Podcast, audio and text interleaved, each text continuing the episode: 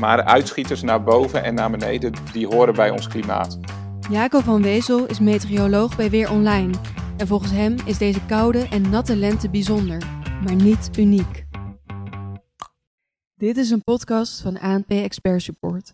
Deze dienst staat los van de ANP-redactie. Mijn naam is Luna van der Waarde en ik spreek met Jacob van Wezel van Weer Online naar aanleiding van dit ANP-nieuwsbericht.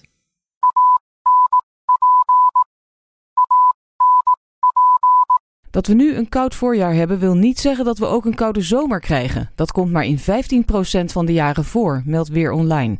In 2006 bijvoorbeeld volgde na een vrij koude maand mei de warmste juli maand ooit gemeten. En twee jaar terug werd het 40 graden na een lente zonder één zomerse dag. Ik praat hierover verder met meteoroloog Jacob van Wezel van Weer Online. Hoe komt het nou dat na een koude lente de kans klein is dat we een koude zomer krijgen? Nou, er is geen uh, oorzakelijk verband dat je na een uh, koude lente geen koude zomer gaat krijgen, maar we zijn in de statistiek gedoken en daarin zien we dat dat heel weinig voorkomt. Hoe dat dan precies komt, dat heeft vaak te maken dat een patroon in het weer houdt een aantal weken aan. Soms is het heel standvastig, duurt dat een aantal maanden, maar vaak verandert het op een gegeven moment ook weer. En na zo'n koude lente, ja, dan komt er op een gegeven moment dus vaak zo'n verandering dat die wind niet meer uit het koude noorden waait. En dat je daardoor een uh, wat normalere of warmere zomer kunt krijgen. En hoe komt het nou dat deze lente zo koud en nat was? Ja, deze lente was koud en nat doordat uh, de hoge en lage drukgebieden telkens zo lagen dat de wind uh, vanuit de koude richting kwam. In maart en in april hadden we te maken met noordenwinden. En daarbij werd hele koude lucht afkomstig vanaf de Noordpool aangevoerd. En het was best regelmatig zonnig, want het was helemaal niet zo somber toen. Alleen de temperaturen waren dusdanig laag dat je niet uh, lekker buiten kon zitten. Toen werd het in mei, kwam er een einde aan die noordenwinden. Maar toen kregen we te maken met westenwinden. En die voerden niet alleen ook nog steeds koele lucht aan, maar ook regen. En doordat het vaak regende, werd het toen ook weer een hele, hele koele periode. Dus we zijn, hebben eigenlijk twee types weer gehad, die uiteindelijk allebei uh, koud weer opleveren. En is dat dan heel bijzonder, uh, zo'n koude lente? Ja, een koude lente was in ieder geval uh, even geleden. Zo'n koude lente zoals nu, dat is uh, voor het eerst sinds 2013. Maar uitschieters naar boven en naar beneden, die horen bij ons klimaat. We spreken vaak van een gemiddelde temperatuur en we zien die door de opwarming van het klimaat steeds hoger worden. Maar ook in een opwarmende trend heb je uitschieters naar boven en uitschieters naar beneden ja, dit keer hadden we de pech dat we weer zo'n uitschieter naar beneden hadden. En uh, ja, waar veel mensen hoopten op de warmte zoals vorig jaar, ja, bleef die nu helemaal uit. Ja, dus en ik hoor je zeggen uitschieters naar boven en naar beneden.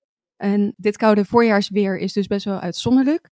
Uh, maar er zijn misschien ook wel mensen die nu, na dit koude, natte weer, het idee hebben dat klimaatverandering wel meevalt. En jij zegt ook dat uitschieters uh, heel, heel normaal zijn. Wat is eigenlijk de samenhang tussen dit koude weer en het klimaat? Ja, weer en klimaat zijn echt twee, twee dingen die je apart moet bekijken. Het weer is wat we nu beleven.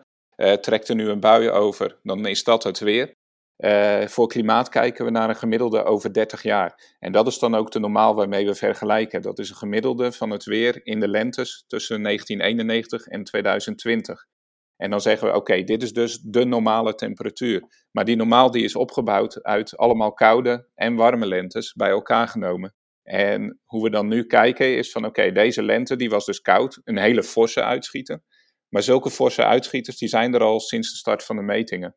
En waar zo'n forse uitschieter begin vorige eeuw uh, er dan voor zorgde dat het de koudste lente ooit was, zien we dat het nu, ondanks dat het heel koud was, komen uit zo rond de dertigste plaats met deze lente in de lijst met koudste lentes. Terwijl het wel een hele grote afwijking van het gemiddelde is. En dat zegt alles over de klimaatverandering, dat het gemiddelde hoger is geworden. En dat zelfs als je zo'n koude uitschieter hebt, dat je niet snel aan een record zit. En wat valt jou dan op in de weersomstandigheden van de afgelopen paar jaar ten opzichte van, nou ja, 30 of 40 jaar geleden? Ja, we zien dat, uh, dat warmte veel vaker voorkomt en dat ook koude winden minder koud zijn geworden. Uh, bijvoorbeeld deze lente, als we diezelfde uh weersituatie zouden hebben gehad, maar dan in de vorige eeuw, dan zou dat ervoor gezorgd hebben dat het veel kouder was. Om uh, het even duidelijk te maken, op de Noordpool bijvoorbeeld is de temperatuur inmiddels 4 graden opgewarmd door de klimaatverandering. Dus die koude lucht die we nu vanuit het noorden kregen, die zou halverwege vorige eeuw, zou die 4 graden kouder nog zijn geweest. En dan hadden we dus veel meer nog koudere dagen gehad. En aan de andere kant, als we een warme zuidenwind krijgen, zien we juist dat die aangevoerde lucht een aantal graden warmer is geworden dan in het verleden.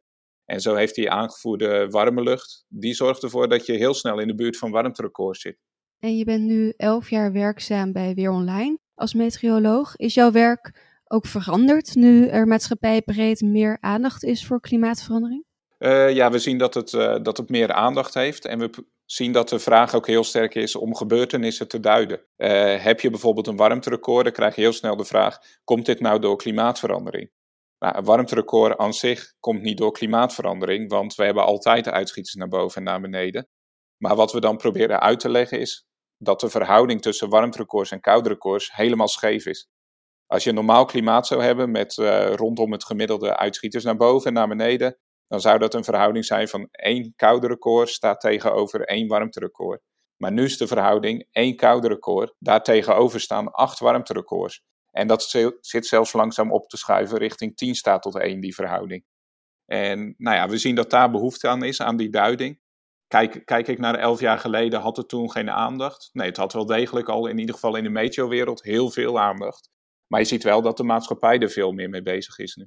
En op welke manier ben je dan als meteoroloog zelf ook bezig met andere mensen bewust maken van deze klimaatcrisis? Ja, het is heel belangrijk om het dus in perspectief te plaatsen. Dus ook bij zo'n koude periode nu uit te leggen van uh, het is niet dat er nu ineens geen klimaatverandering meer is. En bewustwording dat warmte-extremen veel vaker voorkomen. En we zijn ook bezig met mensen bewust te maken, wat kan jij dan doen om die weersextremen op te vangen? Zo schrijven bijvoorbeeld op Weer Online artikelen over uh, hoe maak jij je tuin duurzaam, zodat je regenwater goed kan opvangen en ook de hitte aan kan.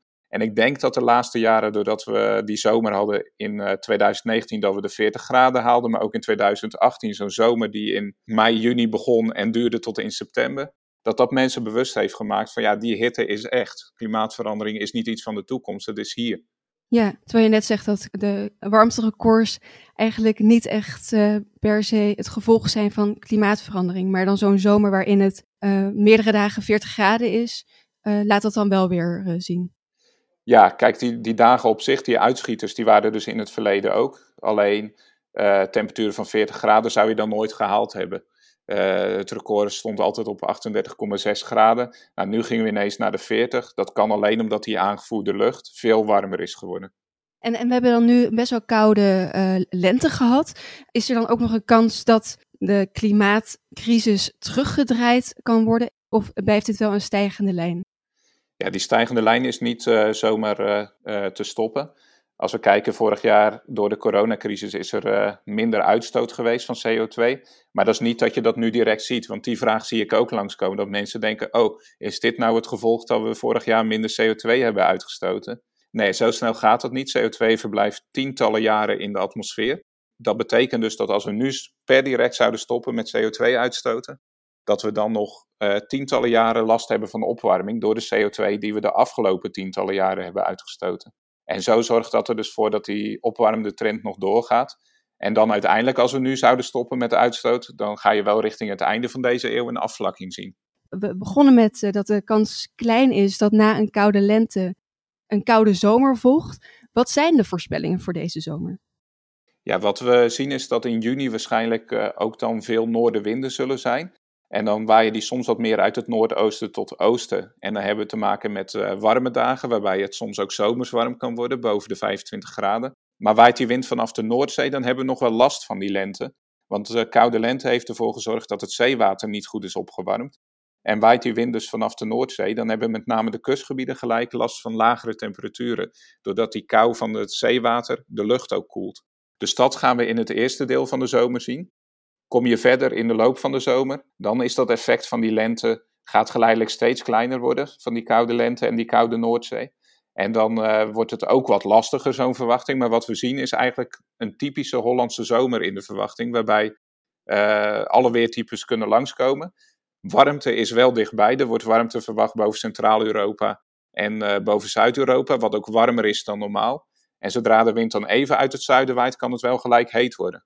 Dus we kunnen een uh, typische Nederlandse zomer verwachten, waarin we eerst misschien nog een beetje de natheid van de lente meenemen, maar daarna wel echt van de zon kunnen genieten.